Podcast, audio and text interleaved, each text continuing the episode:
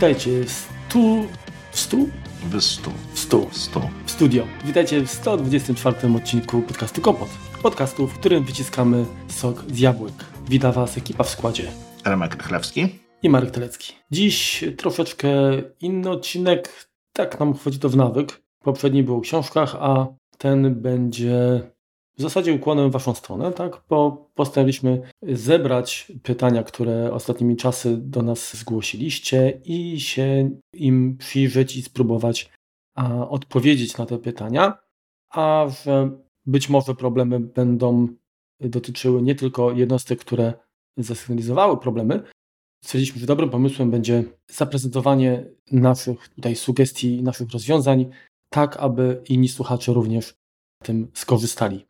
Na wstępie z dziennikarskiego obowiązku i z przyjemnością zresztą przypomnę, że partnerem Apple Juice i podcastu Kompot jest firma Synology, której bardzo dziękujemy za współpracę, a Was zachęcamy szczerze do korzystania z ich produktów, które są naprawdę, naprawdę dobre. Ok, w takim razie y, myślę, że możemy zacząć. Mamy troszkę tych pytań tutaj zebranych. Uwagi na, na, na GIODO i w ogóle Wasze bezpieczeństwo nie będziemy mówić, kto zasygnalizował, kto przysłał, czy kto zwrócił się jakby do nas y, z, z danym pytaniem, natomiast pozwolę sobie zacytować y, w zasadzie no, w całości takie pytania po to, żebyście widzieli jakby całe, całe tło tak, y, problemu i to powiedzmy te detale, które zostały przez autorów nakreślone. Tak, tak, tak. Przede wszystkim bardzo dziękujemy Wam za pytania i jeżeli tylko macie jakieś tam wątpliwości, to nie krępujcie się, ślijcie je w miarę możliwości. My się staramy na nie odpowiadać na bieżąco, a tak przy okazji to mamy możliwość no po prostu sprawdzenia, co Was interesuje, co, co jakby wymaga może całego odcinka, bo czasami odpowiedzią na pytanie jest poczekaj, niedługo będzie odcinek o tym, mhm. ale czasami też, też zbieramy to tak jak, tak jak teraz, albo po prostu wiemy, w którą stronę, w którą stronę się kierować, żeby jak gdyby robić coś, co, co Wam się przyda, co Wam będzie pasowało. Zdarza się też, że często pytania, inaczej, że odpowiedzi na te pytania, które padły tutaj, gdzieś już się nad nimi pochyliliśmy, tak powiedziałbym mimochodem przy okazji poprzednich odcinków. Także to też jakby to zasygnalizujemy. Dziś odpowiadając powiedzmy może bardziej zwięźle, natomiast zachęcamy Was do powrotu, do odsłuchu odcinków nagranych wcześniej. To co, Remku, mogę pierwsze pytanie? Leć. Okej, okay. pytanie numer jeden, bezpośrednio do Remka, jak zresztą większość, bo Remek jest tutaj fachurą naszym kompotowym. No, się więcej udzielam na Twitterze. No masz więcej czasu, jak widać. Nie, no, czasu pewnie masz mniej niż ja, natomiast y, z racji, y, z, że tak powiem, chyba profilu twojej, twojej pracy ta obecność online jest wliczona jakby w y, Niestety tak zwane plusy dodatnie i plusy ujemne. No właśnie, a, a, ja jestem często odcięty, w związku z czym nie mogę reagować tak szybko, jakbym chciał, co ma też swoje plusy oczywiście też. A, dobra, pytanie było odnośnie taniego, dobrego routera Wi-Fi. Podobno jak, coś, jak jest tanie i dobre, to trzeba kupić jedno i drugie. Natomiast y, całe tło jest następujące. Witaj Remku. Mam do Ciebie kilka pytań, które dotyczą głównie całego tematu automatyki domowej. Jednak sprawa kluczowa to sieć internetowa, konkretnie chodzi o router. Otóż, żeby uczynić z tej całej długiej historii krótką, mam taki problem. Od mojego lokalnego dostawcy internetu, internet jest poprowadzony siodłowodem, mam router Huawei HG8245 2,5 rozumiem GHz. Mhm. Wi-Fi ma radio chyba, tak? Mm, i do niego są podpięte przez mostek żarówki Nanolive. Ivy Smart Kit jest ich 12 plus dwie nowe bez mostka Nanolive Essentials A60. Do tego dochodzą dwa iPady Pro z 2020 roku, y, iPhony 5S, 11, 12 i przy okazji z tą siecią są połączone y, dwa zegarki Apple Watch, jakiś MacBook, y, odkurzacz Xiaomi, dwa HomePody mini, telewizor i Apple TV i być może jakiś Pixel. No i teraz zaczyna się cała zabawa. Router chyba od tego dostaje czkawki. Internet traci na jakości. Czasem wszystko działa, a czasem, jak się domyślasz, niekoniecznie. Zdaję sobie sprawę, że tak to nie powinno być połączone. W każdym razie mam ogromną prośbę, czy mógłbyś mi poradzić jakiś dobry router. taki, który nie będzie kosztował tysiące złotych, a raczej coś maks pod tysiąc, taki, który mógłbym łatwo skonfigurować, tak aby rozwiązać obecne problemy i zarazem zabezpieczyć to wszystko sensownie. Zależy mi na takim routerze, który nie wymaga doktoratu do jego konfiguracji. Słucham kompotu, jednak nigdy nie mieliście takiego tematu podcastu. Docenię każdą odpowiedź, szczególnie ta, taką, która pomoże mi to rozwikłać. Pozdrawiam, tutaj autor. Tak? Dodatkowy, dodatkowe informacje. Mieszkam w, w bloku y, mieszkanie 70 m2, y, sieci zgłaszają się cztery. Rozumiem, że chodzi o sieci tutaj sąsiadów. Wi-Fi dookoła, tak, tak, bo to było dodatkowe moje pytanie. Chociaż gdyby zastanowić się rozsądnie, to może ich przybyć, bo wiele mieszkań jest chyba pustych, więc asykuracyjnie biorę pod uwagę 8 y, sieci czy, czy 8 sieć. No i teraz tak, pierwsza, pierwsza rzecz. To nie jest prawdą, że nie mieliśmy takiego odcinka, bo chociażby odcinek poświęcony w całości routerze Synology, którego, z którego korzystam od dłuższego czasu, był właśnie takim. I ja na, na pewno bym zaproponował takie rozwiązanie, chociaż tutaj ten budżet jest nieco, nieco przekroczony, tak? Można byłoby ewentualnie pomyśleć o wersji RM 2200 i to było... On chyba jest tak coś w okolicach pod 1000. To jest tam chyba niecałe 700, myślę. Tam jest różnica spora jednak. Zresztą zaraz to sprawdzę. Na przykład w Excomie, tak? Synology RT 2600 to jest niecałe 1070 zł. No, czyli ponad 1000. Tak, no, niestety. Jeżeli chodzi o router MR2200AC, też Synology, oczywiście, no to jest koszt y, około poniżej 650 zł. Mhm. Także być może to w jakiś sposób tu by rozwiązało problem. No oczywiście, Remku, jestem ciekaw Twoich propozycji, natomiast ja mam y, takie, taki, taki mój niepokój związany jest z tym, czy sam router, czy właściwie punkt dostępowy, tak, Wi-Fi, bo to może być często nie, nie sam mhm. routing, a, a kwestia łączności radiowej, albo samej nie wiem, konfiguracji sieci, czy wręcz lokalizacji tego urządzenia może, może być przyczyną mm, słabej jakości. Co, co ty na ten temat sądzisz? Znaczy, co, to na pewno. Na pewno może to być e, kwestia jakiejś błędnej konfiguracji, natomiast ja podejrzewam, że to jest router po prostu przekazany przez operatora, bo tak to zresztą tak było napisane, więc on ma do, konfigurację jakieś domyślne. Stoi gdzieś tam prawdopodobnie w takim miejscu, że nie bardzo można to ruszyć, więc yy, wiesz co, jeżeli mamy jakieś takie routery właśnie operatorskie, one, to one są zazwyczaj dobrze skonfigurowane. Gorzej jest, jeżeli użytkownicy sobie dokupują sami routery. No mówię z doświadczenia, tak? To nie, i, i, i po prostu stawiają je sobie tak, wyjmując z pudełka, nie bardzo wiedząc, co robią, coś tam poustawiają, jakieś parametry, a najczęściej nie i podłączają, działa, to wszyscy są szczęśliwi, jest lepiej. To jest niestety najgorsza sprawa. Jeśli mamy w, w jakimś, nie wiem, domu, czy, czy, czy, czy nawet domku, niech to będzie coś większego, są osoby, które potrafią sobie tych routerów postawić 3, 4 i więcej. Routerów jako takich. Spinają jeden pod drugiego, każdy robi inną sieć. Muszą się przełączać, jest to jedno wielkie bagno, to się nawzajem zakłóca skutecznie.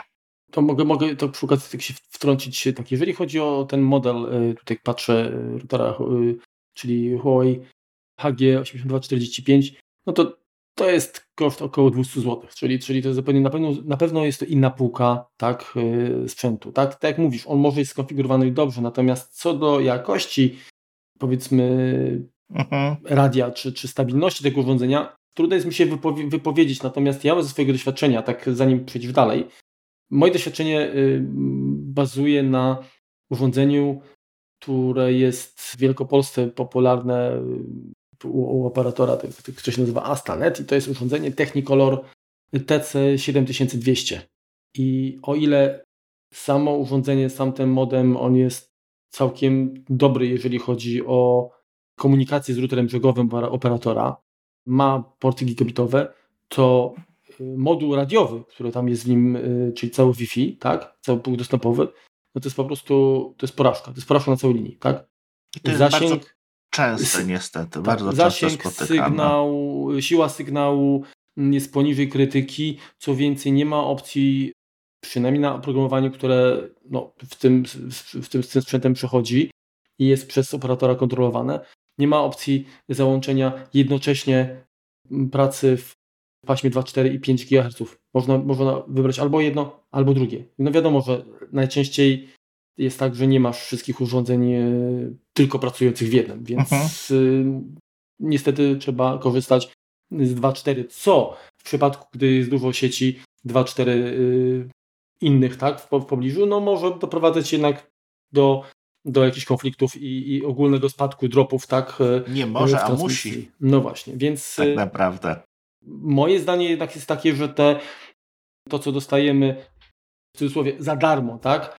Od operatora, no to niestety to, to, to prawdopodobnie to jest bardzo dobrze y, skonfigurowane i oprogramowane od strony operatora, tak? Czyli jakby, mhm. żeby, żeby jak najmniej problemów jemu sprawiać. No ale Marku, pytałeś o to, czy to lepiej przestawić. No dobrze, no to przestawić to nic nie da przestawienie tego. To działa, operatorski działa najlepiej, jak się na nim da zrobić. No więc je, jeżeli sam z siebie nie działa, no to raczej cudów nie, nie uzyskamy, konfigurując go jakoś inaczej, bo prawdopodobnie jest skonfigurowany dobrze, tylko jest po prostu domyślnie do, mhm. znaczy do niczego.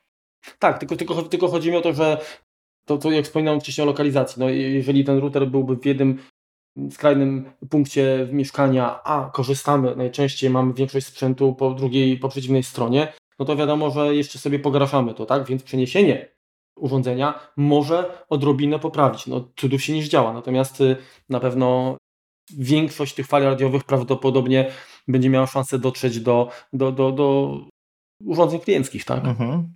Więc tak, no tutaj pierwsze, pierwsze moje takie pytanie było to o wielkość mieszkania i czy to jest mieszkanie, czy dom. Jeżeli to jest mieszkanie, możemy akurat dość, y, dość spore powiedzmy. No, może nie spore, natomiast już z tych większych się, się zalicza, nie jest to jakaś tam kawalerka. Jest to jeszcze dalej metraż, który jest w stanie objąć jeden dobry router. Tak? Nie musimy od razu myśleć o meszu, y, czyli nie musimy myśleć o tym, żebyśmy tych y, router mieli jeden i do niego jakieś dodatkowe akces, punkty dostępu, access pointy. Więc to jest akurat e, dobra informacja. Jeśli chodzi o takie routery właśnie domowe, popularne, to tak jak mówiłeś, bardzo trudno jest znaleźć coś, co ma, mówiąc tak kolokwialnie, dobre radio.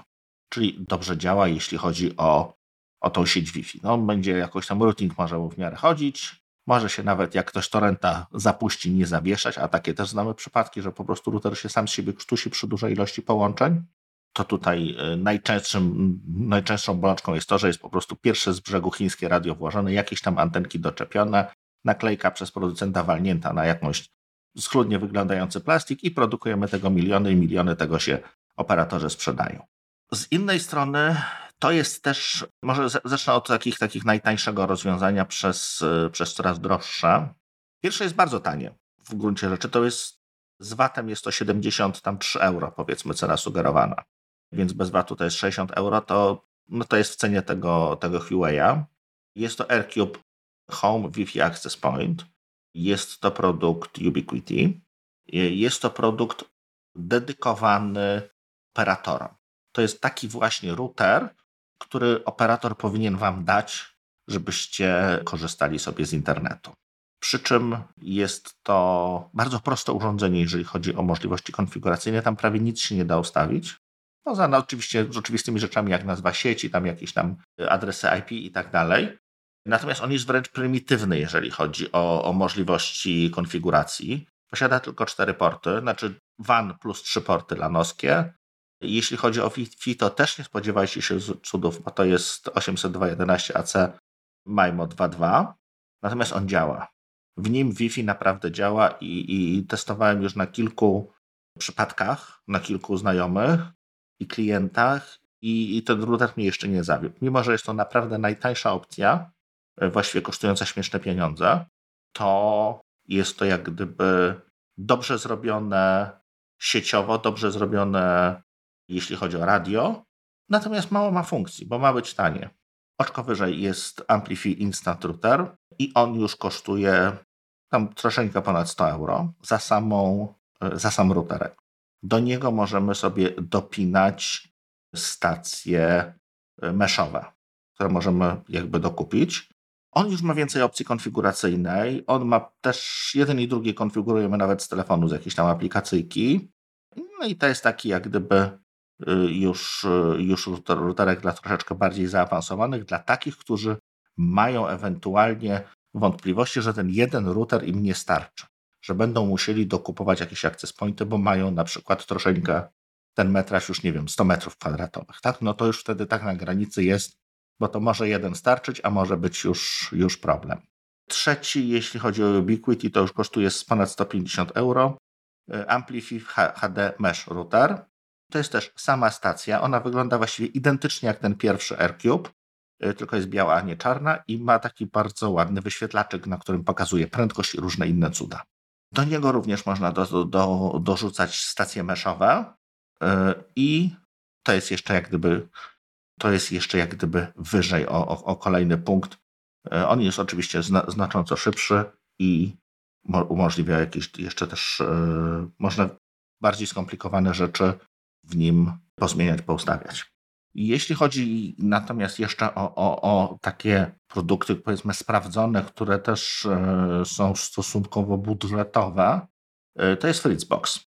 Oni mają bardzo dużo różnych routerów, bo tego jest chyba około 15 modeli, ale one są, trzeba sobie po prostu przeklikać, bo tu znajdziecie i, i, i moduły takie, czy modemy takie, które wepniecie w kablówkę, e, takie, które podłączycie przez LTE, więc tutaj jest dość duża różnorodność tych, tych połączeń i dlatego jest ich dużo. Jeśli chodzi o, o, o możliwości, też się, też się różną. I tutaj no, konkretnego modelu nie będę polecał, ponieważ no, to zależy od konkretnych potrzeb. One są jak gdyby bardziej, bardziej dopasowane pod tym względem. Natomiast to są również, no może nie wszystkie, natomiast większość to są również takie kwestie raczej bardziej, bardziej budżetowe. To jak, jak, jak mogę się wtrącić na, na chwilkę? To chciałem tylko zwrócić uwagę, bo my tu mówiliśmy o tym mm, w odcinku o właśnie o, o routerze Synology. Jeżeli chodzi o model ten, który ja posiadam, czyli RT2600AC, to tam przynajmniej taka teoretyczna podawana przez producenta powierzchnia pokrycia, oczywiście mówimy o otwartej przestrzeni, tak? Mhm. To jest 5000 stóp kwadratowych, czyli to jest około 460 metrów kwadratowych. Wiadomo, że jeżeli to jest mieszkanie, gdzie są ściany, to, to na pewno będzie to mniej. Natomiast MR 2200 AC to jest 2000 stóp kwadratowych, czyli około 180 metrów kwadratowych. Czyli myślę, że taki MR by Y, pewnie też sobie poradził z takim mieszkaniem 70 metrów bez problemu. Należy też pamiętać o tym, że o ile pierwszy, ten 2600 posiada switcha, gdzie mamy 4 czy nawet 5 portów y, lanowskich, tak tutaj są tylko dwa, więc y, gdybyśmy chcieli po kablu podpiąć jakieś urządzenia stacjonarne, czy wiem, Apple TV, czy jakiś komputer, telewizor podpiąć nawet, który gdzieś tam byłby blisko, no to niestety bez dodatkowego switcha się nie obejdzie. A jeżeli wrócimy do modelu ostatniego Ubiquiti, tak, czyli Ampli, czy Amplify HD mhm. Y, Mesh Router, to z tego co pamiętam, to mm, zestaw taki, gdzie była ta kostka plus dwie satelitki, nazwijmy to, to było też mniej, mniej więcej chyba nieco ponad 1500-1600 zł jakoś to, to w cenie to się zmieniało, kiedyś to było bardziej atrakcyjne.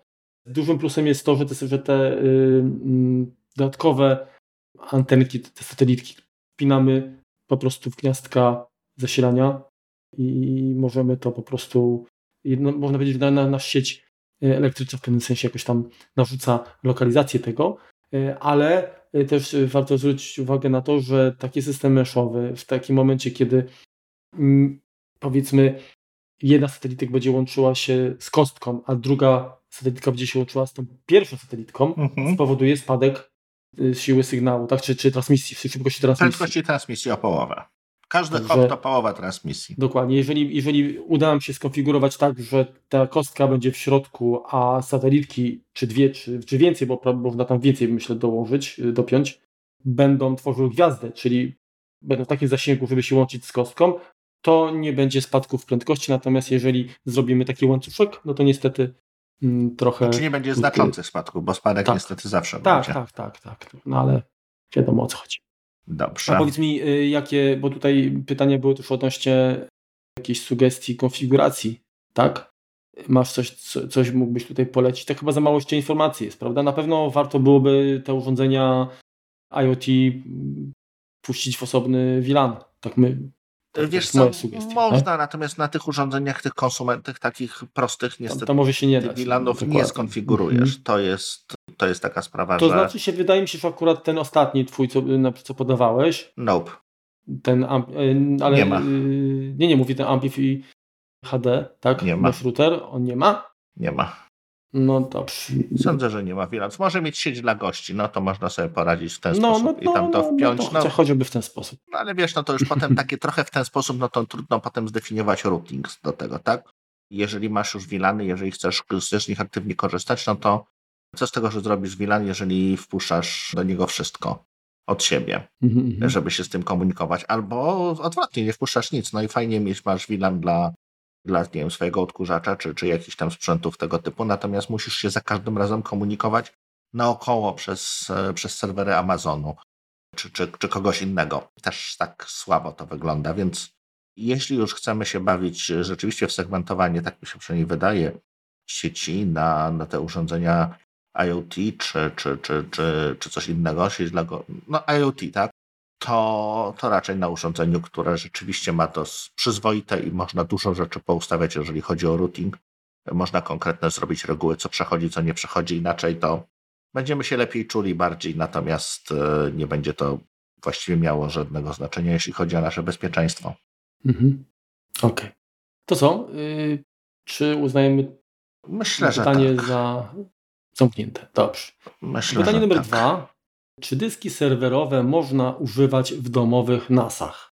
No, powiem tak, a dlaczego nie? Dokładnie, dlaczego nie? Czyli można, ale no, postaram się troszeczkę roz, rozszerzyć to pytanie. Ostatnio na rynku pojawiły się, powiem szczerze, nie wiem czemu, mam pewną teorię, natomiast są tanie dyski serwerowe, czyli na przykład te WD Gold czy Seagate Exynos, chyba one się tak nazywają, są w całkiem niezłych cenach i czasem te serwerowe dyski można kupić w bardzo porównywalnych cenach, czy nawet tańszych niż, niż Red Pro. Tak, są za, zawsze tańsze niż zwykłe Redy, są w okolicach troszeczkę droższe niż Red Plus. Natomiast jeżeli spojrzy się na parametry, no to są dużo lepsze, tak? Mają, są dużo szybsze, mają większą prędkość obrotową, mają zazwyczaj większy cache. Jak się go weźmie do ręki, no to od razu czuć, że to jest inna półka urządzenia czemu one się tak pojawiły ostatnio w tych cenach? Podejrzewam, że mamy to jest skutki, skutek pandemii. Może zostały wyprodukowane do jakichś centrów danych, no i nasi wielcy kupili ich. A dlaczego ich nie kupili? Odpowiedzcie sobie na pytanie, ile zrobiliście w tym roku zdjęć z wakacji? I to jest odpowiedź na to pytanie. Nie trzeba było kupować po prostu. tak mi się wydaje. Więc te dyski zostały wyprodukowane, ale trzeba je jakoś upłynnić, tak? Więc w dobrych cenach trafiły do, do kanału y, konsumenckiego, czy do kanału jakiegoś tam, z którego możemy korzystać. Generalnie ja bym tak powiedzmy ujął, że ten rynek enterprise to jest troszeczkę taki rynek też jakby patrzeć premium, tak? Czyli my dostajemy coś, co przynajmniej w teorii jest lepiej przetestowane i powinno oferować dłuższy czas pracy bezawaryjnej, tak? Czyli jakby mniejsze ryzyko tego, że nam coś po prostu padnie, bo to są y, dyski, czy generalnie mm, komponenty, które są wręcz przygotowane do, y, do ciągłej tak, pracy. do wyższych, tak? do wyższych, y, do wyższych tak, obciążeń. Do trudniejszych tak. warunków i tak, tak, więc znaczy wiesz co, trudniejszych inwestując... warunków nie zawsze, no bo one raczej mm, no tak. One raczej nie będą się dobrze czuły gdzieś zamknięte bez dostępu, bez przewiewu powietrza, tak? No bo one są w miejscach, no gdzie, się, gdzie jak są... mamy serwerownię, to najczęściej ona jest dobrze chłodzona i w ogóle, natomiast taki dysk powiedzmy w domu, no to często gdzieś będzie leżał może na pierzynce, nie wiem, e, więc no, faktycznie... No, no ale w szafce, w szafce, już bym go nie chował, tak? No więc... No, to, to, to, to fakt, to, to masz rację. Będzie też głośniejszy. Czyli gen... o, no, do tego chciałem jakby dojść, tak? Że mm, jest wiele plusów i generalnie jeżeli ta różnica w cenie między dyskiem serwerowym a, a zwykłym konsumenckim jest praktycznie pomijalna, wręcz no niewielka, to ja bym się nie zastanawiał. Natomiast musicie wziąć pod uwagę, że najczęściej to są dyski, które pewnie no, będą głośniejsze, mogą też mieć większy pobór mocy, czy się bardziej grzać, bo, bo tam jakby to nie jest sprawa priorytetowa, więc y, to inaczej takie dyski będzie się zachowały niż y, które były WD Greeny na przykład, tak? To były chyba te takie e, ekologiczne. No tak, ale one nie są do nasów. Ja wiem, no ale chodzi mi o to, że jeżeli ktoś ma taki dysk, no to musi się spodziewać, że ten, ten serwerowy, pomimo, po, poza tym, że będzie szybszy, no to niestety tych y, pewnych zalet tego zielonego mieć też nie no, będzie. No nie da się mieć wszystkiego, niestety. No Bardzo żałujemy. Co jeszcze? Yy, bo producenci często, często wypisują, że ten dysk to jest na przykład od 16. Jeżeli mamy 16 dysków w macierze, no to należy użyć dysku serwerowego. Nie, no jak najbardziej nie. Też warto spojrzeć na gwarancję, którą, którą mamy na, na taki dysk. Ona zazwyczaj będzie większa. I co jeszcze? Fajnym też e, powiedzmy pomysłem jest e, coś, co, coś, co ostatnio oferuje Synology, czyli te swoje dyski HAT, czyli przez nich, przez nich firmowane. Również one się zaczynają pojawiać. One się pojawiają w niezłych cenach. Są to dalej ceny, powiedzmy, y, dysków y, premium. Natomiast tutaj mamy dodatkową zaletę, że wszystkie komponenty naszego NASA są od jednego producenta. I to w domu to tam powiedzmy średnio jest przydatne, natomiast jeżeli już myślimy o jakichś rozwiązaniach troszeczkę bardziej biznesowych, to mamy jedną firmę, która jest odpowiedzialna za całość, czyli to jest łatwiejsze y, w sensie serwisowania, tak? Popsuło się, odsyłamy, przysyłają naprawiony, wszyscy są szczęśliwi. Tak nie musimy się zastanawiać, co się popsuło. Popsuł się nas. Nieważne, czy dysk, czy, czy, czy samo urządzenie. Więc to jest jak najbardziej wygodniejsze i to też należy brać pod uwagę przy zakupach i czasem, czasem może warto za to troszeczkę dopłacić. A ja jeszcze bym, to oczywiście wymaga trochę więcej też czasu i grzebania, ale poszukałbym też e, na waszym miejscu, jeżeli, jeżeli macie oczywiście ochotę, informacji na temat tego, które modele danej firmy są powiedzmy bardziej podatne na, na tak? Bo jest wiele miejsc w sieci, gdzie można znaleźć zestawienie dysku właśnie Enterprise pod względem ich bezawaryjności. I często jest tak, że dana firma jest na prowadzeniu, ale konkretny model na przykład mógł mhm. być niezbyt udany, więc ta cena atrakcyjna może też wynikać z tego, że on jest mniej chętnie kupowany, więc możecie trafić po prostu na właśnie taką partię, której raczej powinno się unikać. Aczkolwiek i tak, i tak to jest jednak szczęście egzemplarza, myślę, tak? Dużo osób, to też jest powiedzmy, przy, przejdźmy do tego pytania.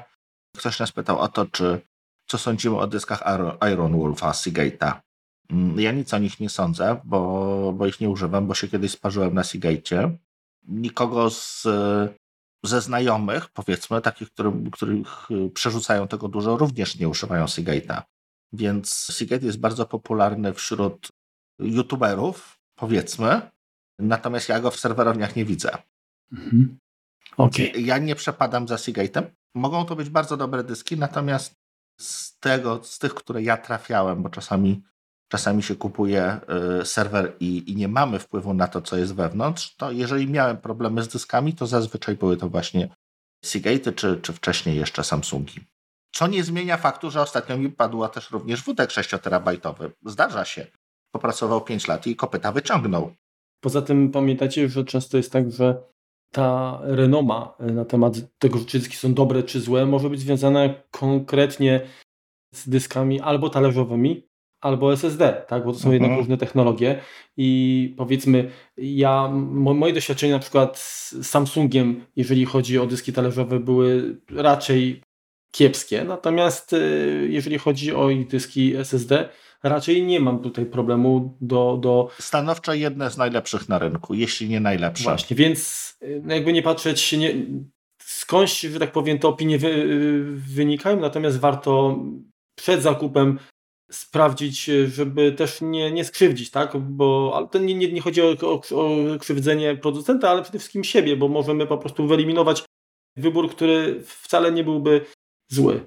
Zgadza się. Okej, okay. to myślę, że to, że, że odpowiedzieliśmy wyczerpująco na, na to pytanie. Trzecie pytanie, i tu już chodzi o pamięć, mianowicie czy Mac na ARM, czyli rozumiem Apple Silicon, uh mhm. -huh czy wystarczy mu 8 GB RAMu? Zdecydowanie nie. 8 GB nie wystarczy nikomu już.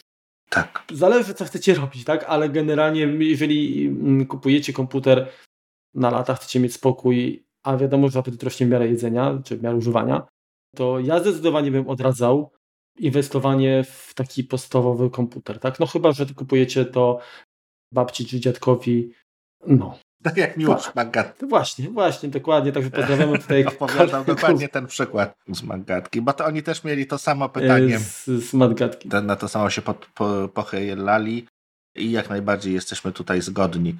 Zawsze inaczej, zawsze trzeba pomyśleć, e, ile tego ramu, ile tego dysku jest potrzebne. Tak jak Marku mówisz, w 2021 roku możemy przyjąć, że rozsądnym minimum jest 16 GB. Mhm. Teraz tak nieważne, czy kupujemy Maca z Apple Silicon, czy na Intelu. W gruncie rzeczy, czy kupujemy komputer z Linuxem, czy kupujemy komputer z Windowsem, bo w którymś momencie kupujemy komputer do podobnej pracy. Jest to jakaś tam prosta praca biurowa, rozrywkowa i tak dalej. Uruchamiamy jakiegoś tam Teamsa, jakiegoś Slacka, jakieś, nie wiem, Zooma czy inny malware, to one lubią RAM, niestety. Czy nam się podoba, czy nie, to, to, to wiele z nich są, to czy nawet Skype, to są aplikacje elektronowe, gdzieś tam w tle chodzi sobie silnik Chroma i po prostu zabiera pamięć. Więc, więc tutaj musimy, musimy oszczędzać, znaczy nie możemy oszczędzać pieniążków, bo w Macach nie mamy możliwości niestety dołożenia później pamięci.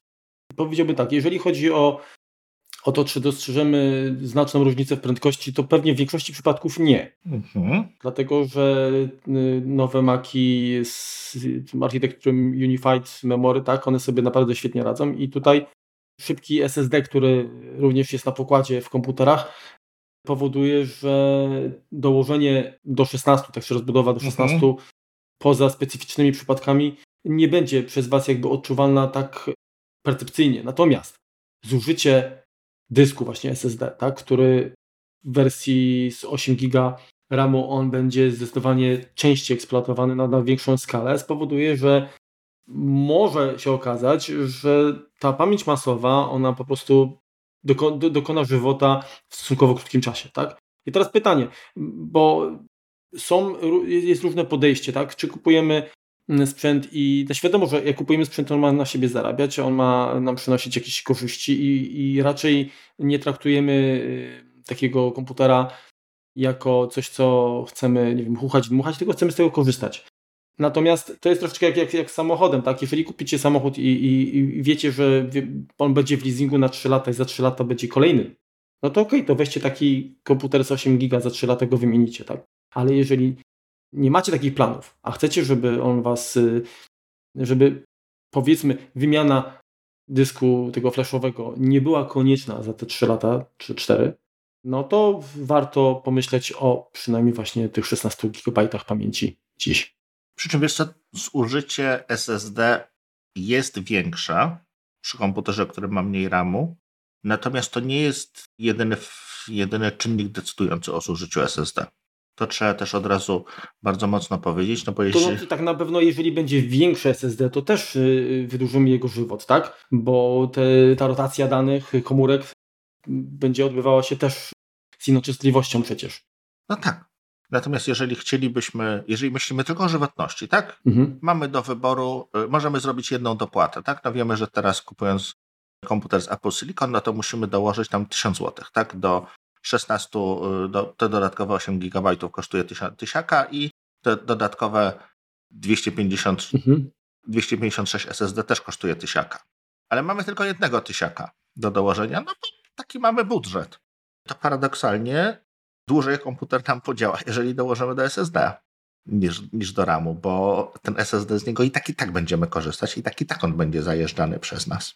Mhm. A będzie miał więcej, tej, więcej tego miejsca do oddychania, tak powiedzmy. Tak? No, zakładając oczywiście takie same zużycie, takie same wykorzystanie. Tak? No, jeżeli zapchamy jeden i drugi, yy, nie wiem, wrzucimy na niego, nie wiem, 100, 100 giga, to, to, to więcej yy, na dłużej nam starczy, tak mówiąc kolokwialnie, w komputerze, który będzie miał 3 czwarte tego dysku pustego, niż na takim, który będzie miał połowę dysku pustego i, i będzie miał więcej pamięci. Więc, mhm. więc to też nie jest takie, wiesz, nie, to nie jest takie zero-jedynkowe, że zawsze pamięć. Czasem się, czasem się, czasem się nie da. I tutaj też to, że była też taka, taka jakaś informacja, że komputery na Apple Silicon bardziej zajeżdżają dysk, tam jest więcej zapisów i w ogóle za tak, nie wiem, czy bardziej, tyle samo moim zdaniem. Dlaczego miałby korzystać bardziej? No, dokładnie.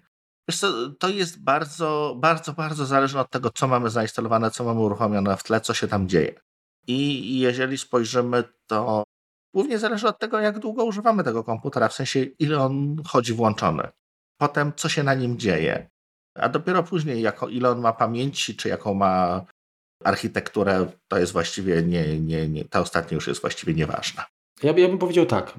Jeżeli mamy komputer, w którym można rozszerzyć pamięć, to możemy zacząć z wersją podstawową. Natomiast jeżeli nie ma takiej możliwości, a dzisiaj w przypadku komputerów przenośnych nie ma takiej możliwości, bo kupujemy i zostajemy jakby z taką wersją, z taką konfiguracją, to może nie koniecznie no maksimum, tak, no bo jeżeli ktoś by chciał jeszcze kupić MacBooka Pro 16-calowego, taki, takiego jak ty masz, to maksymalnie tam jest chyba 64, tak? Tak. No a ty też jak brałeś, to brałeś 32 z tego co pamiętam. Tak. No, no to tutaj niekoniecznie musi być zawsze maksimum, ale... I co więcej, no, do 32 nie jest mi potrzebna. No, okej, okay. natomiast na pewno... Jest z nim fajniej, a natomiast na 16 bym sobie poradził. Ale na 8 pewnie już nie. Bym płakał. No właśnie, dlatego wersje bazowe są dla osób, które są mocno powściągliwe, jeżeli chodzi o wydatki, natomiast jeżeli nie chcecie, żeby to się jakoś tam zemściło, a poza tym, no to mówię, to też zależy od stylu pracy tego, bo jeżeli korzystacie z... Może inaczej. Kiedyś to, to, to, to się mówiło, wie pan co, tam jak, jak ktoś wszedł do sklepu, tam ja potrzebuję komputera, to nie musi być rakieta, jak grać nie będę, tylko tam będę korzystał z internetu, tam trochę tu tam przeglądał.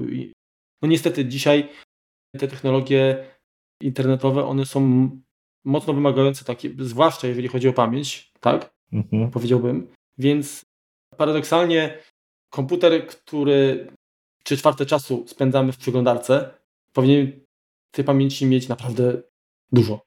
Zgadza się. No jeżeli myślimy tylko o takiej typowej maszynie do pisania, tak? Uruchamiamy Worda, nie wiem, tam Excel, albo Excela i pocztę, no to wtedy 8 giga ok.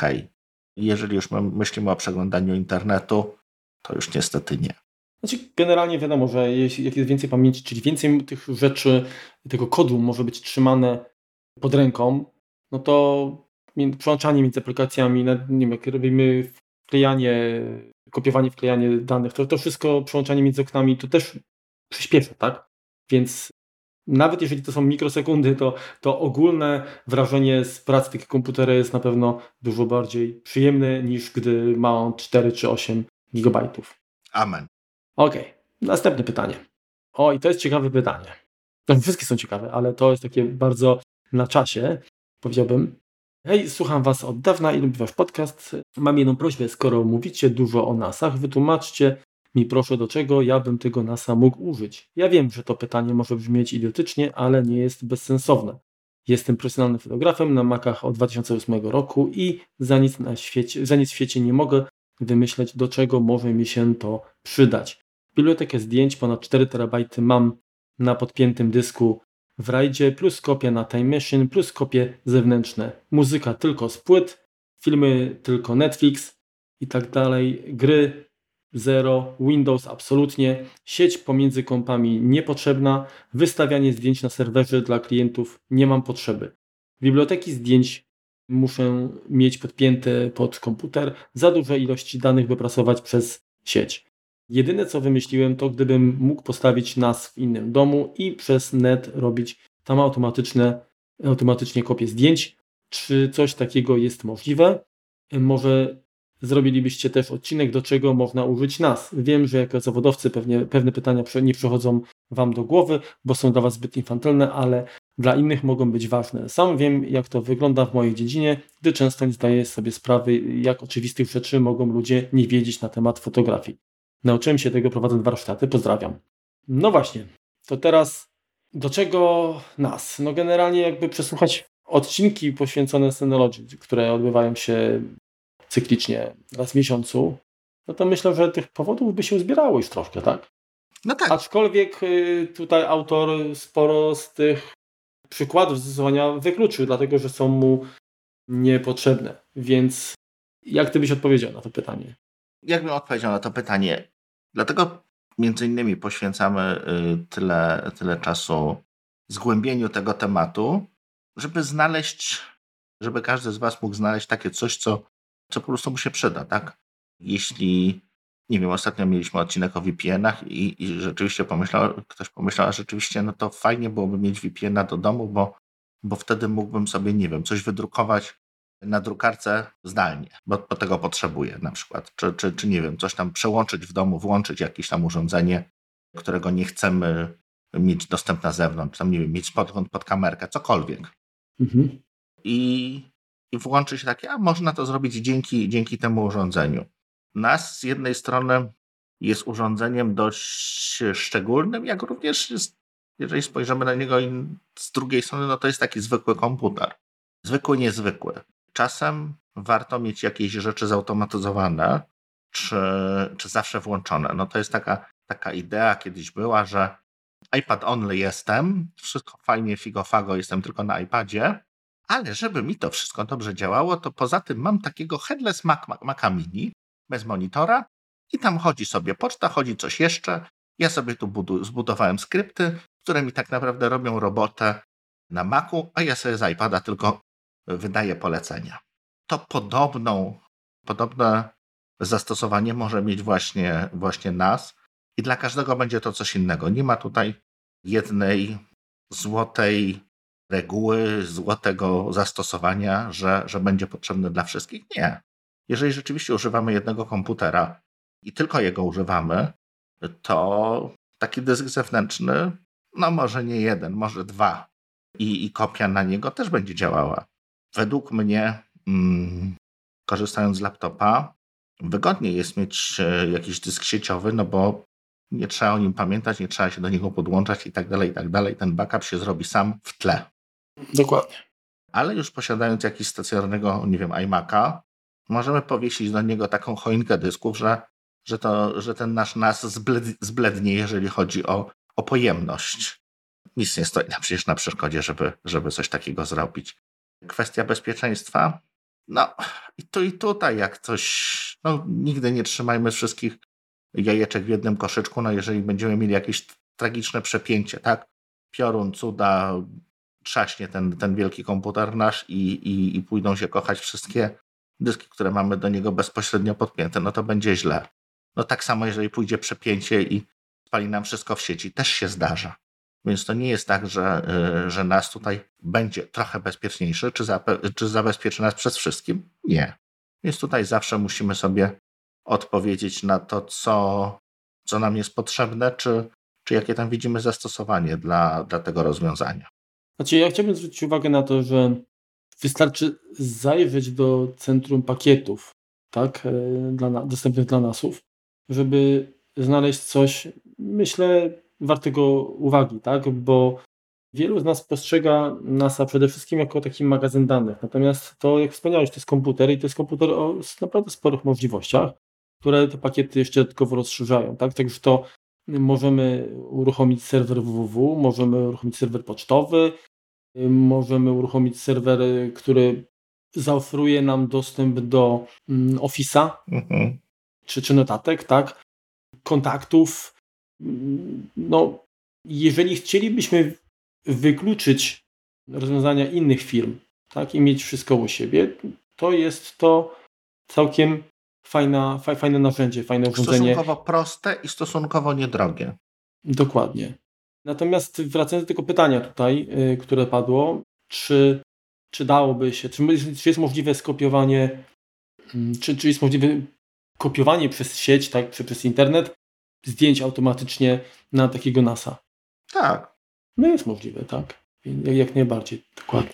Możemy, możemy zrobić taką funkcję, że po prostu najprościej backup z, z, jednego na drugim się robi. Tak możemy zsynchronizować foldery, jeżeli nie chcemy mieć, e, chcemy mieć duplikat danych, natomiast czasami, tak jak rozmawialiśmy, czasem pracujemy z lokalizacji A, czasem z lokalizacji B, zawsze chcielibyśmy mieć szybki dostęp do naszych danych. No to przez, e, przez synchronizację idealnie możemy sobie coś takiego załatwić. E, możliwości są tysiące, dla każdego będzie to coś innego i, i tutaj My się staramy jakby pokazać jakiś tam kierunek, pokazać, co jest możliwe, natomiast to wy musicie sobie wymyślić, czy wam się to przyda, czy nie. Może się wam przydać wszystko, może się wam nie przydać nic. No, nie poradzimy. No, dokładnie. Poza tym, mówię, tak jak tutaj autor pytania pisał, że, że Windows nie, absolutnie nie. Natomiast no, czasami, może w jego przypadku to się nie, to się nie sprawdzi, tak? Ale jeżeli jesteśmy Mac only, powiedzmy, mhm. to jednak chociażby możliwość uruchomienia na maszynie wirtualnej Windowsa bez y, angażowania zasobów komputerowych też jest fajną rzeczą, tak? I dostęp do y, niego też ze wszystkiego właściwie, tak? Właśnie. Z iPada, z telefonu możemy jak na upartego też pewne rzeczy zrobić. I taką, taką maszynę wirtualną oczywiście możemy sobie skopiować, więc jak nam coś nie pójdzie, szybko y, odtworzyć, przywrócić i, i, i przetestować chociażby takie rozwiązanie. No jeżeli nie, ktoś tworzy strony internetowe, chciałby sprawdzić, jak one będą zachowały się w przeglądarkach na, właśnie na platformie Windows, no to też nie musi pożyczać komputera, czy inwestować, kupować, bo, mhm. bo do tego celu jak najbardziej to też się sprawdzi. To wiesz co, to ja tak może podsumuję, to jest powiedzmy tak jak mieliśmy jakiś taki warsztat, tak? Taki man, man cave, czy, czy, czy taką szopę jakąś z narzędziami, gdzie, gdzie nasi ojcowie czy dziadowie mieli jakieś takie swoje jakieś tam piły, tego typu rzeczy, tak? Mhm. To warsztat, o. To takim uz idealnym uzupełnieniem warsztatu takiego powiedzmy informatycznego jest właśnie NAS. Ja bym powiedział, że... Bo na nim zrobisz wszystko, to jest taka... Że tak, taki NAS to jest taki szwajcarski scyzoryk troszeczkę. Tak. Taki multitool. No dobrze, to choć mam nadzieję, że chociaż troszkę tutaj autor znajdzie jakieś zastosowanie dla tego rozwiązania, aczkolwiek no tak jak tutaj wspomniał wcześniej, ma dysk write, ma kopię na Time Machine, tak, jakieś kopie zewnętrzne jeszcze pewnie w te chmurze, więc pewnie ciężko mu będzie rzeczywiście się przekonać, aczkolwiek... Może tutaj nas być paradoksalnie prostszym rozwiązaniem. No to po pierwsze, a po drugie można po prostu dać szansę spróbować, tak? Się, albo za, zażre, jak ty to mówisz, albo nie. albo zdechnie. Hmm. No, dokładnie. Okej. Okay. Pytanie to być troszkę złożone, bo jest kilka, kilka, kilka tutaj elementów. To jest piąte pytanie. Cześć, w nawiązaniu do odcinka 116 przesyłam pomysły na odcinki i kilka pytań dotyczących nasów w Synology. To może te pomysły pomińmy. Mhm. Ale wiesz co, tutaj to pierwsze... No dobrze, to leć. No, no, no tak, bo pierwsze, pierwsze tutaj jakby sugestia, właściwie też, też pytania, czyli VPN w domu, tak aby można było dostać się do zasobów w sieci domowej spoza tej sieci, jakie są możliwości, czy wiążą się z tym jakieś opłaty abonamentowe, co jest najbardziej sensowne w Waszej ocenie, najbardziej interesuje mnie w kontekście NASA Synology. No, odcinek o, o VPN. 122, polecamy. Który się cały kłania, tu, tu nie będziemy powielać jak najbardziej odnośnie opłat abonamentowych do, do końca września tak, tego roku. Łącznie 7 licencji y, klienckich i jedna site to site y, dostajecie z NASem. No trzeba tylko tam zarejestrować się krótko mówiąc, tak? Zgadza się. pobrać i tyle. Nie, dostajecie z routerem. Z routerem. Z NASem y, dostajecie licencję tak, bez tak, dodatkowych Tak, tak, tak, tak bo to chodzi o dokładnie. Licencje są potrzebne do VPN Plus Server. Mhm. To teraz druga, druga część, odcinek o Windows. Obydwaj, czy obydwoje, obydwaj?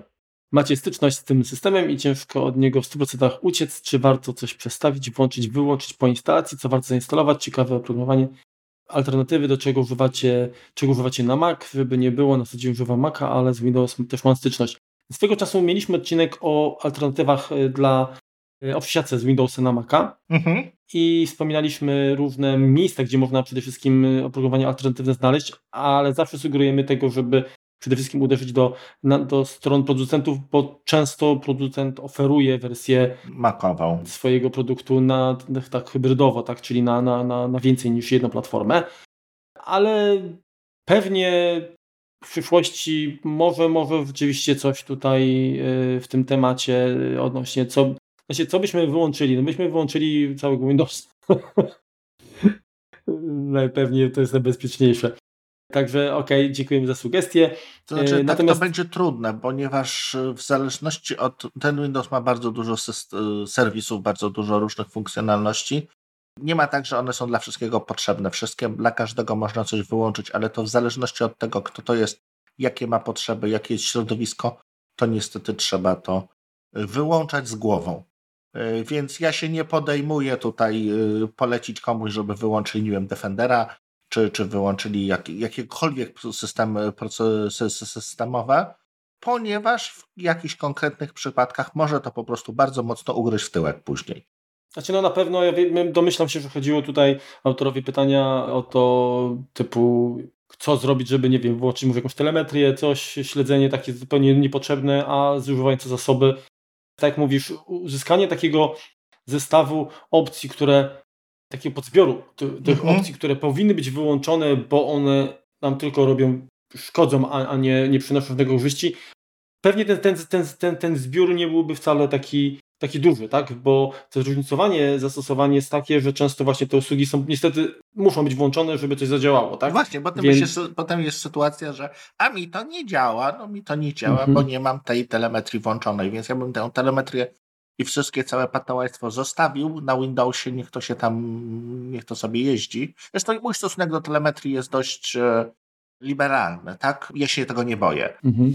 Ja wierzę w to, że to rzeczywiście pomaga, ale to jest mój stosunek do tego. Nie musicie mieć takiego samego, ale zawsze można to wziąć na routerze. No, najprostszy PyHole, mm -hmm, czy, czy jakieś, jakieś tam reguły, które kilka serwerów, kilka roz, nazw DNS wysyłają w kosmos, znaczy w Ziemię, to załatwi sprawę. Dokładnie. Dobrze, to przechodzimy do chyba najciekawszego tutaj yy, pytania. Wykorzystanie NASA Synology w kontekście Smart Home. Tutaj autor podał Homebrew, rozumiem, że chodziło o Homebridge mhm. jako serwer www i czy to w ogóle ma sens? Jaki minimalny model NAS pod jakie zastosowania? Czy cache SSD ma tylko wpływ na transfer podczas wygrywania i zgrywania danych, czy będzie też odczuwalny przy innych czynnościach? Czy jest możliwe skopiowanie zawartości całego NASa na dysk zewnętrzny w prosty sposób? Czy jest możliwość replikacji danych pomiędzy serwerami NAS w różnych sieciach?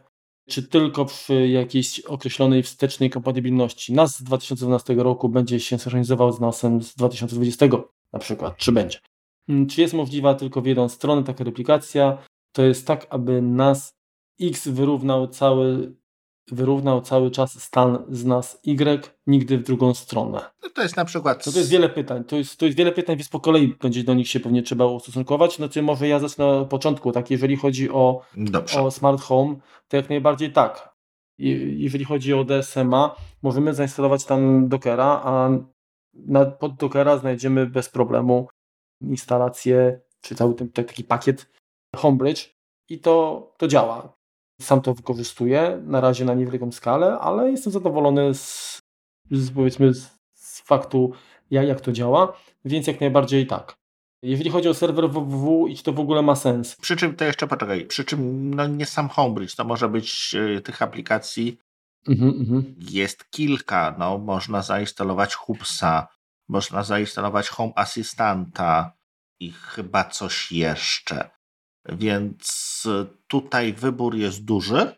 Przeczytajcie instrukcję, róbcie to z głową i, i zawsze jak coś nakiełbasicie, no to można to łatwo zaorać i postawić od nowa.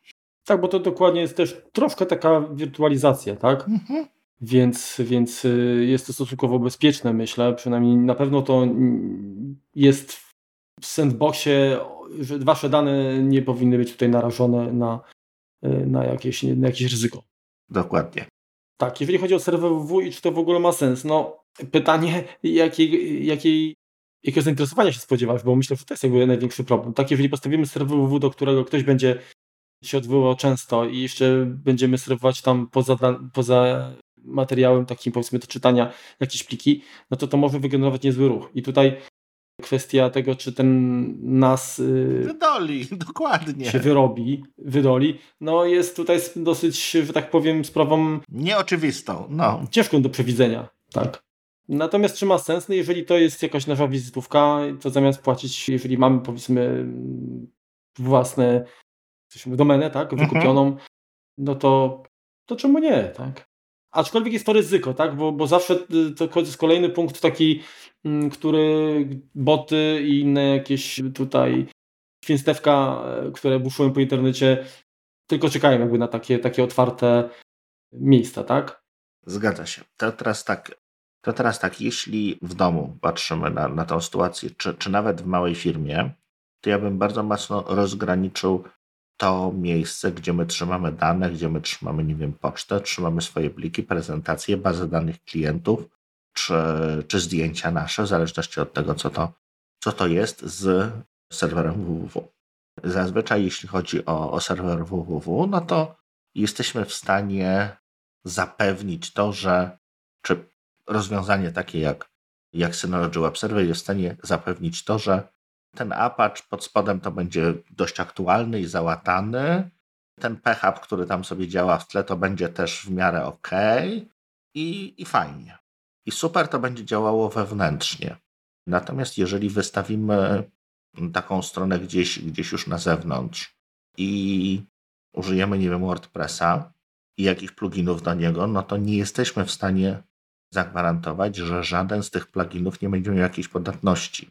Jest wiele stosunkowo prostych metod na uruchomienie sobie takiego własnego centrum kontroli nad naszym serwerem z zewnątrz.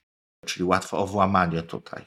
Serwer, więc skracając odpowiedź, serwer www tak, ale dostępny tylko wewnątrz firmy, wewnątrz domu, tak? Czy, czyli serwer sobie testowy.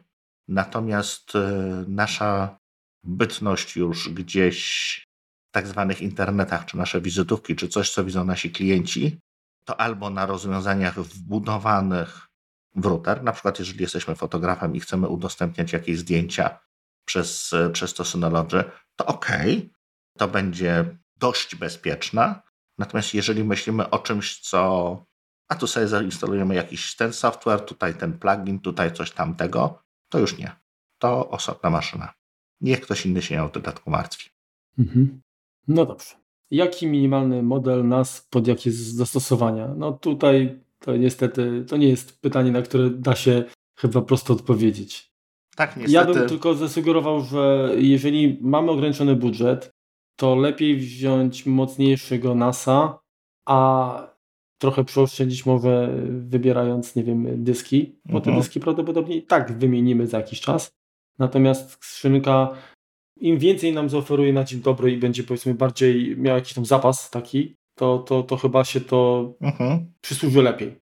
Zgadza się. Bardzo bym namawiał do kupowania skrzynki, czyli NASA z procesorem x86, bo na niej więcej rzeczy zrobicie. Armowe są w porządku i wiele również pakietów na nich działa. Również z takiej korzystam, ale Intel daje jakby 100% możliwości, a, a ARM już nie. Mhm.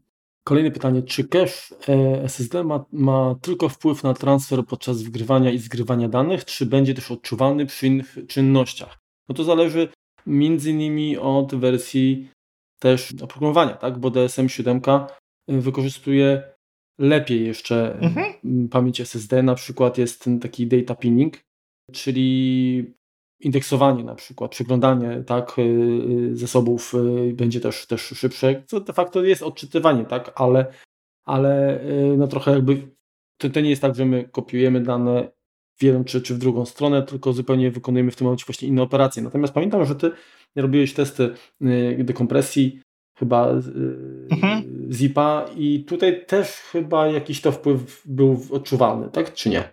Był zawsze ten cache będzie, będzie trochę, trochę przyspieszał, jednak nie spodziewajcie się, że to przyspieszy dwukrotnie działanie NASA. To, co, to, co zobaczymy, no to wszystkie programy, które się wykonują na tym, na tym NASie będą działały zauważ, zauważalnie szybciej. Typu, nie wiem, zauważalnie szybciej na przykład będzie działał PhotoStation, tak? Ale coś, co nie wykorzystuje aż tak y, dysku, już nie warto dołożyć, nie warto przesadzać z jego wielkością, nie warto przesadzać z jego prędkością nawet. On nie musi być super szybki, warto, żeby był bardziej a powiedz, niezawodny. Mhm. A powiedz, czy według Ciebie do, do, dołożenie takiego cache'u SSD może przyczynić się na przykład do, do zwiększenia żywotności dysków talerzowych? Nie. Nie, oni tak i tak yy, dyski talerzowe nie mają ograniczeń co do zapisu one się nie zużywają w ten, w ten sposób, więc nawet mhm. jeżeli mniej będziemy z nich czytać, mniej będziemy z nich dennie zapisywać, to one i tak właściwie będą prawie cały czas włączone, więc nie, nie wpłynie to jakoś znacząco na ich żywotność. Dobra, kolejne tutaj pytanie było, czy jest możliwe skopiowanie zawartości całego NASA na dysk zewnętrzny w prosty sposób? jest, no bo tak. mamy, mamy złącza USB 3.0, tak? Yy, najczęściej, yy, albo SATA. Mhm. I znaczy ja fizycznie tego nie robiłem, ale ty rozumiem, masz doświadczenie tutaj. SATA nie, natomiast po prostu podpinamy dysk USB, widać go jako dysk, nie wiem, tam FAT32 czy exFAT. Musimy ewentualnie dokupić obsługę exFATu, jeżeli, jeżeli chcemy z tego korzystać. NTFS również działa, tak mi się przynajmniej wydaje, jeśli chodzi, jak działa. Po prostu możemy sobie zaznaczyć, po prostu przekopiować i przenieść pliki. Przeciągnij, upuść i po prostu poczekać, aż się to zadzieje. Oczywiście, no jak ten NAS będzie oparty na, jakim, na, na jakimś rajdzie, no to oczywiście tutaj będziemy mieli po prostu wszystkie dane no, na tym jednym dysku, tak, mhm. który, który podpięliśmy. Tak, to one już będą jakby skonsolidowane. Naturalnie. W, jaką, w jedną taką tak, taki zbiór, zbiór danych. A jest możliwość replikacji danych pomiędzy serwerami NAS w różnych sieciach. No, jest możliwość taka, myślę. Jak najbardziej, tak jak, tak jak już mówiliśmy wcześniej, albo można użyć do tego Synology Drive, jeżeli chcemy mieć te dane zduplikowane. Tak, tak działają no, firmy przecież, jak mają central, czy tak swoje, że tak powiem, dane zreplikowane w każdej siedzibie, tak? Mhm. Albo możemy użyć Synology Backup i w tym momencie stworzyć jakiś, jakiś backup, gdzie dane w lokalizacji docelowej po prostu będą po kolei dopisywane tylko nowe. No jeżeli będzie to backup przyrostowy, jeżeli no to już jest pełna, pełna paleta możliwości, jak możemy to skonfigurować, co ma się dziać z, ze starymi danymi, ze starymi backupami. Pełna dowolność, możemy robić codziennie backup przyrostowy, zostawiać sobie po tygodniu tylko kopie dzienne, potem tylko kopie, tylko kopie miesięczne. Jak sobie, jak sobie wyklikamy, wszystko da się zrobić bardzo wygodne, bardzo łatwo konfigurowalne, użyteczne narzędzie, mhm. sprawdzone. Ja to, to jeszcze dodam, że jeżeli w obu tych lokalizacjach byś korzystał na przykład z routera Synology i wykorzystał licencję site-to-site, mhm. to oba NASy będą w tej samej sieci. Niezależnie od lokalizacji, bo połączysz się VPN-em. Znaczy, no nie będą stworzysz... w tej samej sieci, będzie pomiędzy nimi będą wyglądały jakby były w tej samej no sieci. Więc, no, no. no, no tak, tak. Bardziej chodziło mi tutaj o, o to, że, że wirtualnie będą w tej samej sieci. Kwestie działania, tak. tak, jak najbardziej, jak najbardziej tak to będzie się zachowywać. Czy tylko przy jakiejś określonej stycznej kompatybilności y, możliwa jest synchronizacja, czyli na przykład NAS z 2012 roku, czy będzie się synchronizował z NAS 2020, czy nie? Czy jest możliwa tylko w jedną stronę taka replikacja? Nie stoi nic na przeszkodzie, że Wam się będzie Synology z Kunatem synchronizowało, tylko musicie użyć innego narzędzia. To w tym momencie będzie AirSync.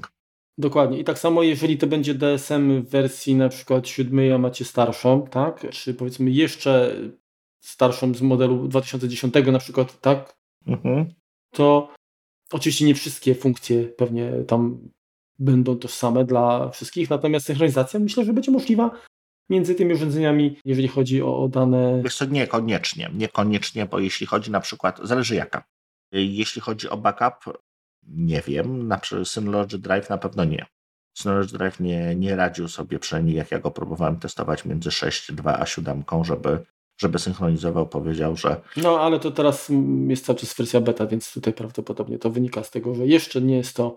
Albo po prostu, wy... znaczy wiesz co, ja bym, jeżeli na tak na jakby taki trochę chłopski rozum. Jeżeli korzystałbym z y, wbudowanych narzędzi, mhm. typu na przykład Synology Backup, typu Synology Drive, czy odpowiedniki QNAPa, to starałbym się mieć tą samą wersję software'u na obydwu końcówkach. Czyli żebym nie miał po prostu problemu ze, ze zgodnością.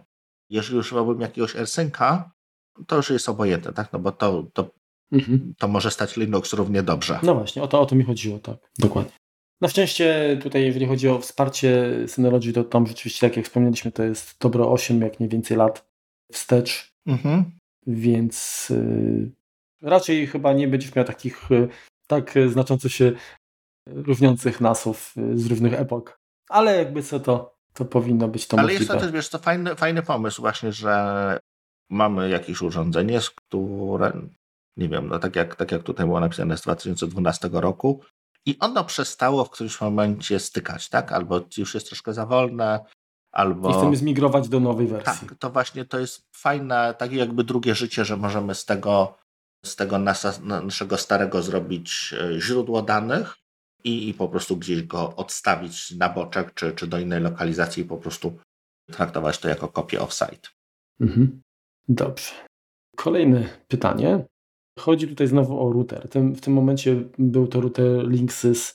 Y, cześć, mam taki problem. Mianowicie router Linksys jest wpięty do HomeKit, stąd musi mieć wymuszony tryb mieszany w ramach jednego SSID-a, czyli jedna, jedna nazwa sieci dla pasma 2,4 i 5 GHz.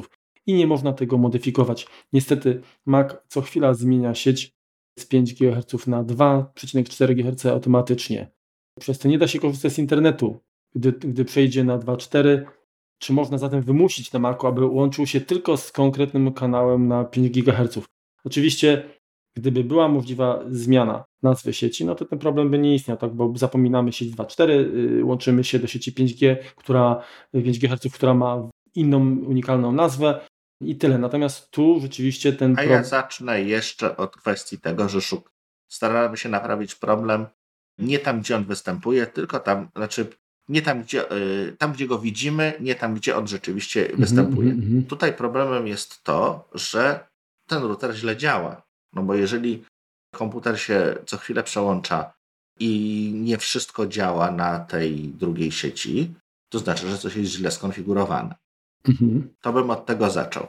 No tak, ale tutaj nie mamy dostępu do tego sprzętu, więc trudno zawerykować. Natomiast y, problem jest taki, że y, generalnie routery zgodne z HomeKitem, one muszą spełniać pewne wymagania, ale też y, HomeKit narzuca pewne ograniczenia. Uh-huh. Między innymi właśnie to jest to, że musi być wspólna nazwa, czy jedna nazwa e, e, SSID. Uh-huh. Natomiast nie sądzę, żeby to był akurat problem, który, który doprowadza do, do takiego zachowania, tak?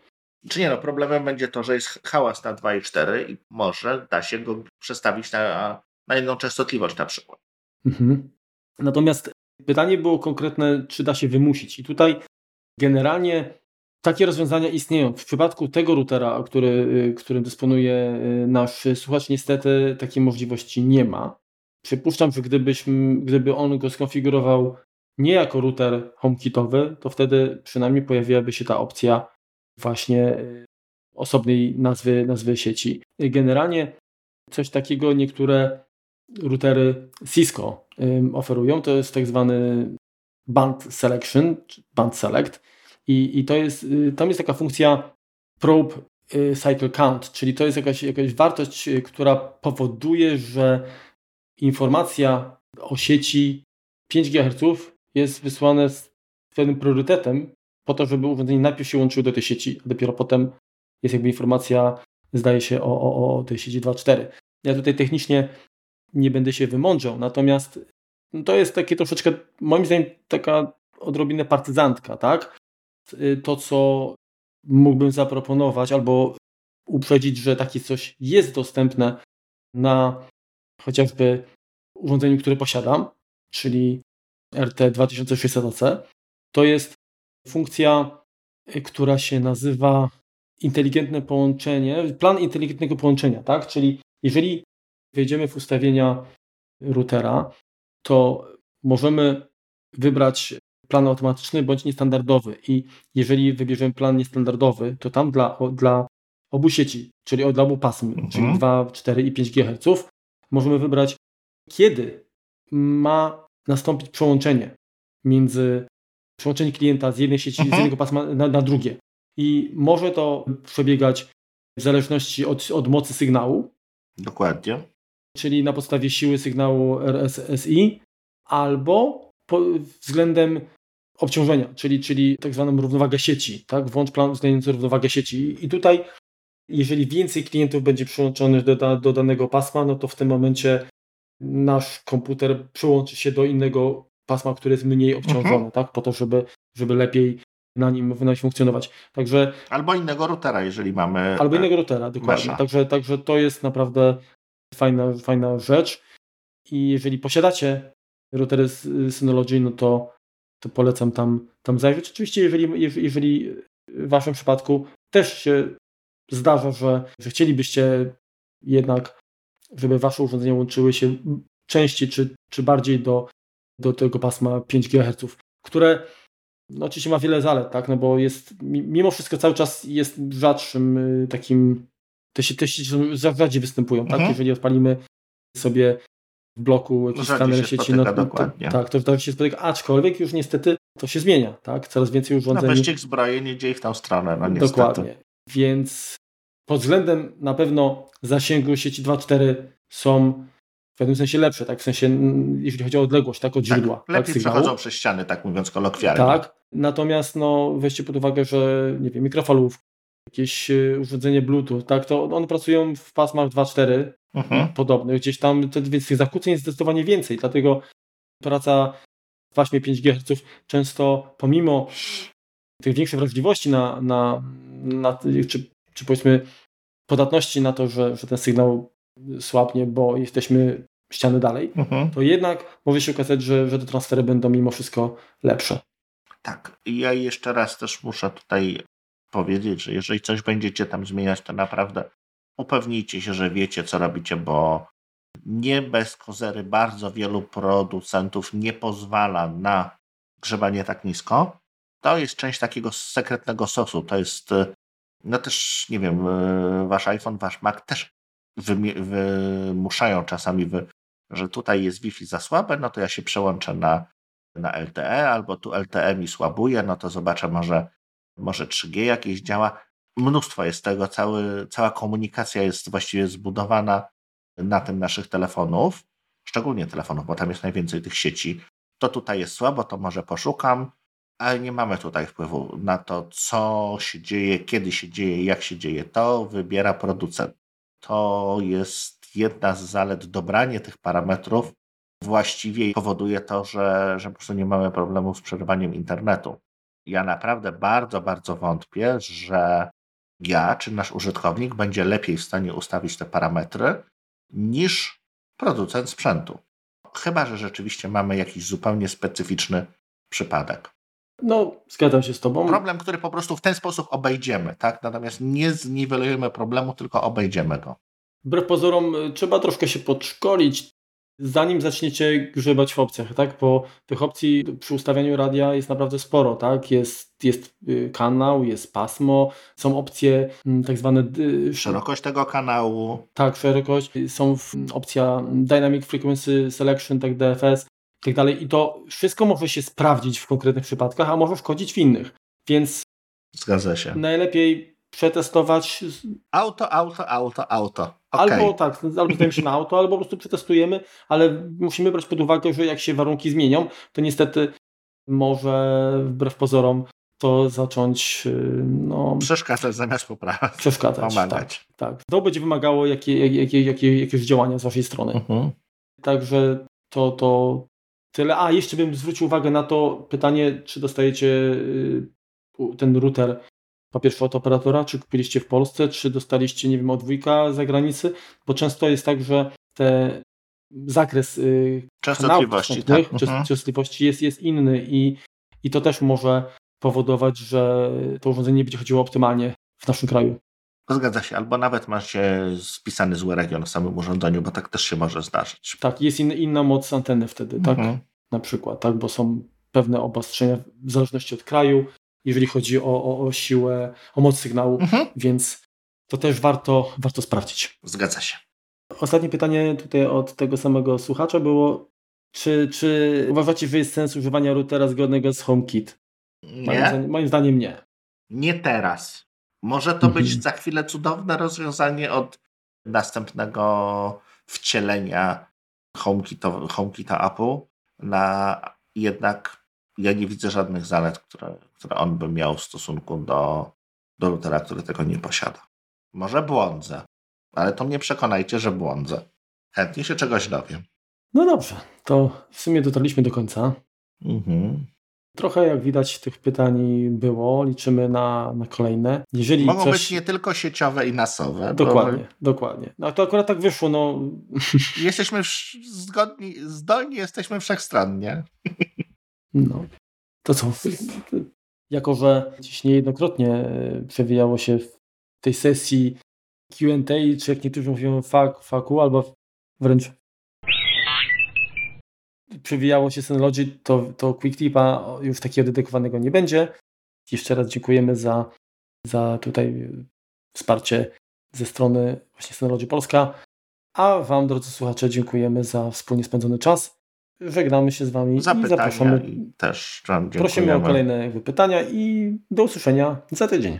Trzymajcie się. Dziękujemy. Na razie. Cześć. Cześć. Oczko wyżej jest e, Ubiquiti Amplify Instant Router. Inst jest e, Amplify Wi-Fi. E, jest, jeszcze raz. Lecimy dalej, Marku. No to, to lecimy dalej. To będzie trzecie od trójeczki. Słuchać mnie? Bo coś zapiszczało dziwnie. No bo ja cię słyszałem.